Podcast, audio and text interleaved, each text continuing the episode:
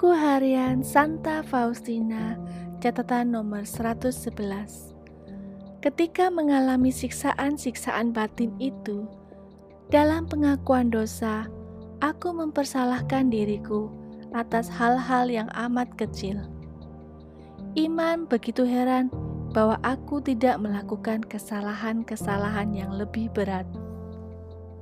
Maka ia berkata kepadaku, Suster, kalau selama dirundung penderitaan-penderitaan itu, engkau setia seperti itu kepada Allah, itulah tanda nyata bagiku bahwa Allah menopangmu dengan rahmat khusus, dan adalah baik bahwa engkau tidak memahaminya.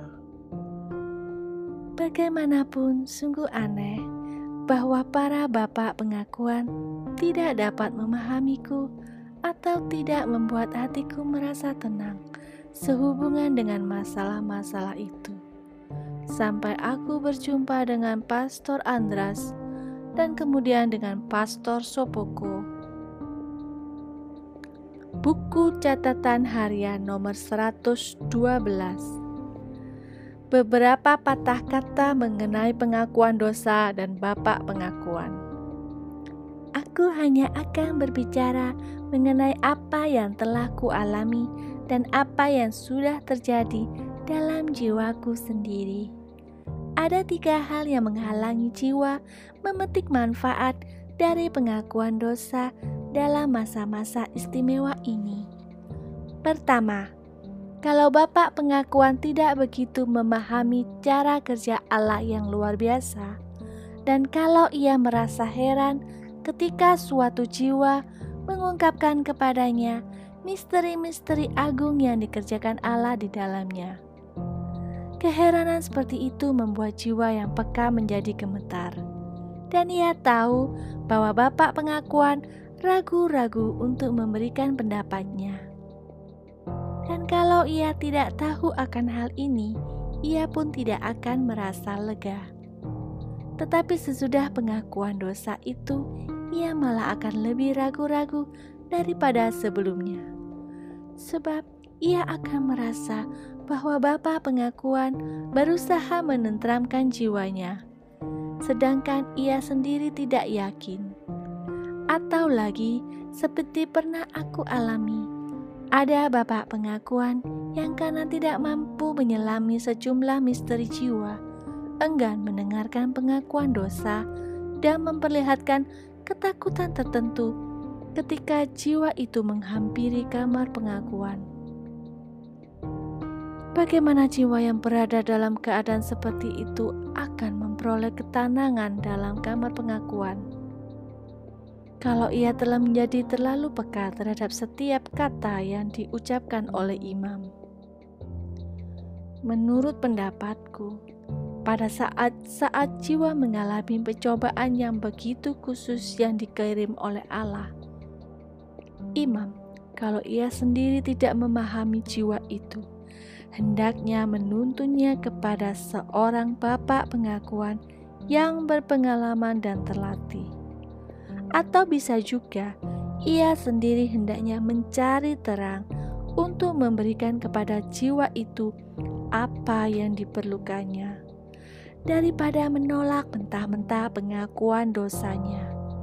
Sebab dengan cara itu, ia menempatkan jiwa tersebut dalam bahaya yang besar, dan lebih dari satu jiwa bisa meninggalkan jalan yang menurut kehendak Allah harus ditempuh oleh jiwa itu. Hal ini sangat penting karena aku sendiri sudah mengalaminya.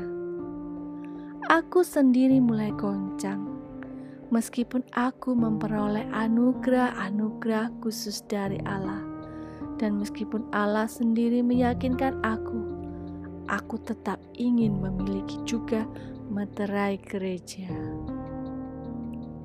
Kedua, kalau Bapak pengakuan tidak mengizinkan jiwa mengungkapkan diri dengan terus terang dan menunjukkan ketidaksabaran.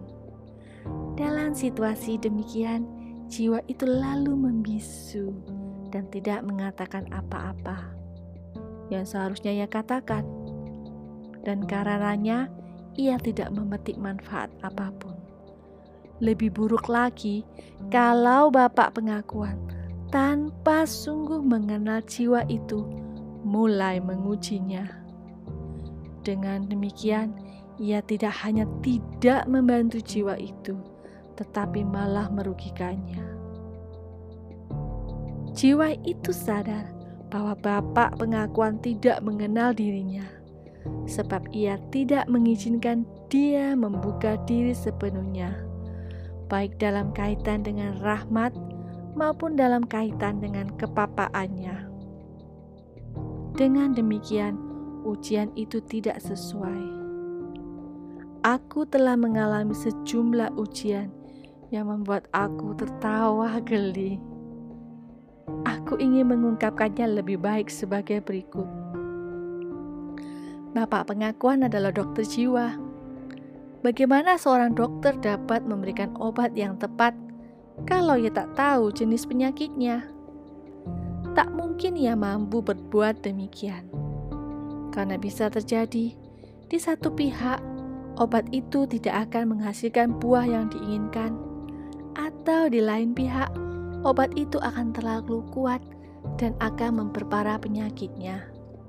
Dan kadang-kadang, janganlah Allah mengizinkannya bahkan mengakibatkan kematian.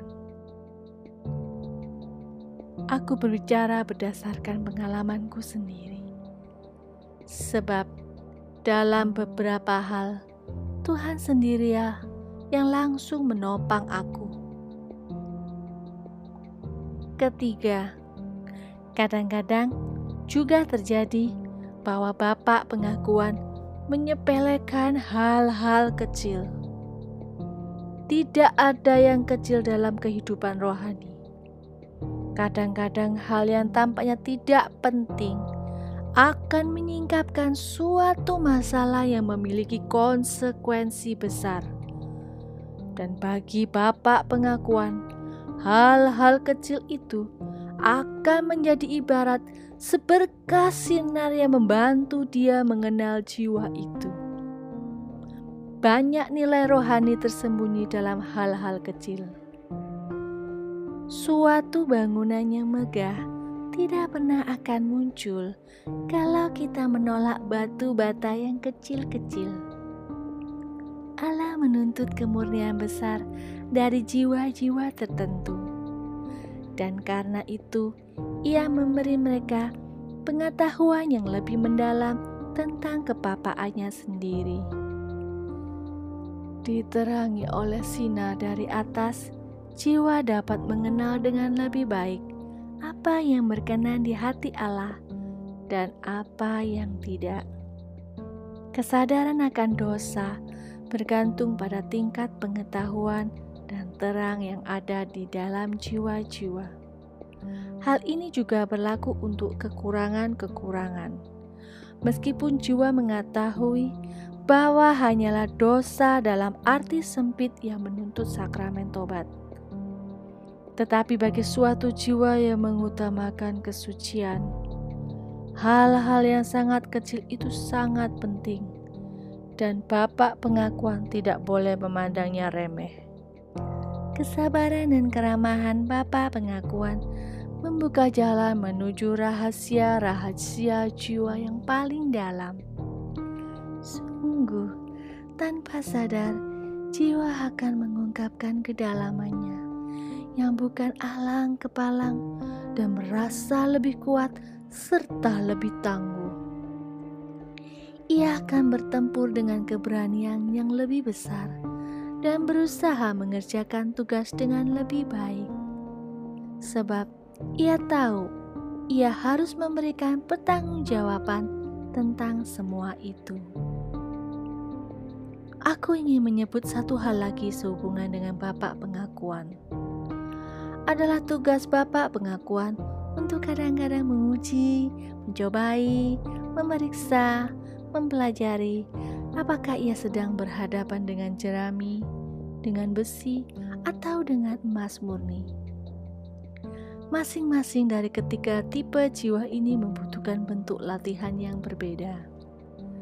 Bapak pengakuan harus dan ini mutlak perlu memberikan penilaian yang tepat tentang masing-masing jiwa untuk mengetahui seberapa berat beban yang dapat ia tanggung untuk waktu-waktu tertentu. Dalam situasi tertentu atau dalam situasi khusus, untuk aku sendiri, sesudah banyak pengalaman negatif, dan ketika aku tahu bahwa aku tidak dipahami, aku tidak lagi membeberkan isi jiwaku atau membiarkan ketetramanku dikacaukan.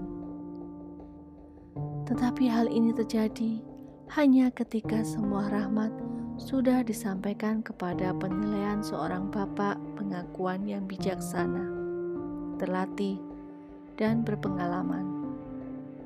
Kini aku tahu apa yang harus kulakukan dalam hal-hal tertentu.